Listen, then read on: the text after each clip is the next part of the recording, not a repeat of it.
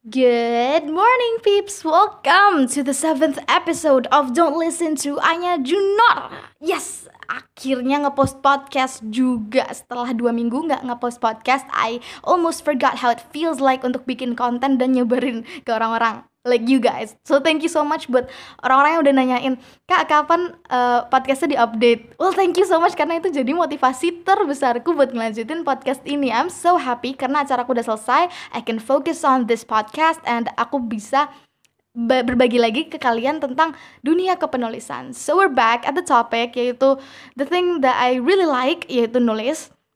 Aku bakal ceritain ke kalian betapa pentingnya mendeskripsikan sesuatu secara detail di dalam tulisan untuk menghadirkan sebuah film di otak pembacamu. Wow, itu kalimat yang sangat panjang. Oke, okay. jadi gini loh. Uh, di dalam coba kalian ingat-ingat di buku paket bahasa Indonesia kan ada beberapa unsur dari sebuah cerpen ya nggak sih? Ada ada judul, tema, bla bla bla, ada itu karakter, perwatakan, ada latar dan juga ada alur. People itu kadang-kadang menyepelekan poin kedua aku sering lihat tulisan yang misalnya cer bukan cerpen sih lebih pendek daripada cerpen. It's called a one shot gitu. Jadi cuma satu scene aja yang dijelasin. Ini sering ada di line.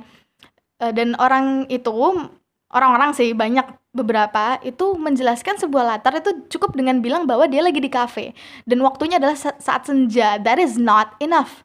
Aku perlu menekankan ini sih. Ini nggak cukup.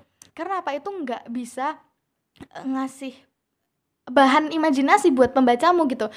Menurutmu mungkin udah cukup. Menurut penulis mungkin udah cukup karena yang ada di otak kita itu pasti kaya dong ya kan? Karena kita penulis. Tapi yang di pembaca itu they start with nol gitu. Mereka mulai dari nol. They start with nothing at all. Kalau misalnya kamu bilang di cafe bisa aja cafe yang dia maksud adalah cafe yang paling deket ke rumah di rumahnya dari dari, rumahnya atau cafe yang paling sering dia datangi kan? It's not the same. That is why you have to give clues yaitu salah satu aspeknya adalah visual clues. Kayak gimana tempatnya apa warna temboknya, terang apa gelap si tempatnya, what does it look like gitu. Itu penting karena ya untuk menyocokkan aja antara imajinasimu dan imajinasinya pembaca. Like what do you mean dan apa yang diimajinasikan itu harus cocok. Tapi aspek ini visual itu is just a shortcut gitu. Jangan terlalu mengandalkan visual. Karena ada banyak cara lain untuk mendeskripsikan suatu tempat. Ada lima indera. Manusia itu punya lima indera men. Dan yang kedua adalah pendengaran. Ini penting nih untuk deskripsiin sendok garpu yang berdenting di meja makan. Atau kalau misalnya di dapurnya itu ada bell yang nunjukin pesanannya udah datang ting gitu. Itu penting loh buat disebutin. Dan juga misalnya ada orang ngobrol yang terlalu keras suaranya sempreng gini gitu atau kalau misalnya dia lagi di taman bermain di Dufan terus dia denger jinglenya Dufan denger suara orang teriak-teriak dari jauh ah gitu. Itu penting banget loh buat disebutin. Itu ngasih uh, clue yang besar banget buat si pembaca to make them feel like they are in your story gitu. Dan ada aspek yang ketiga yaitu penciuman. Ini uh, ini alternatif sih karena kalau misalnya kamu nggak bisa deskripsiin sesuatu secara visual atau secara audi, audi audio aku terbata-bata sorry jadi gini kalau misalnya karaktermu lagi diculik ya terus uh, matanya ditutup terus hening gitu cuma ada suara mesin AC kamu deskripsinya itu udah selesai terus apa? Nggak bisa menjelaskan dia lagi ada di mana kamu harus bilang bahwa kamu uh, ada ada bau sabun mesin cuci gitu. Misalnya dia di basement atau ada suara ada bau oli bensin misalnya. Kalau misalnya dia di garasi gitu you have to tell them that untuk menambahkan clue tentang di mana dia itu berada. Dan ada lagi sense of touch. Ini yang keempat sih.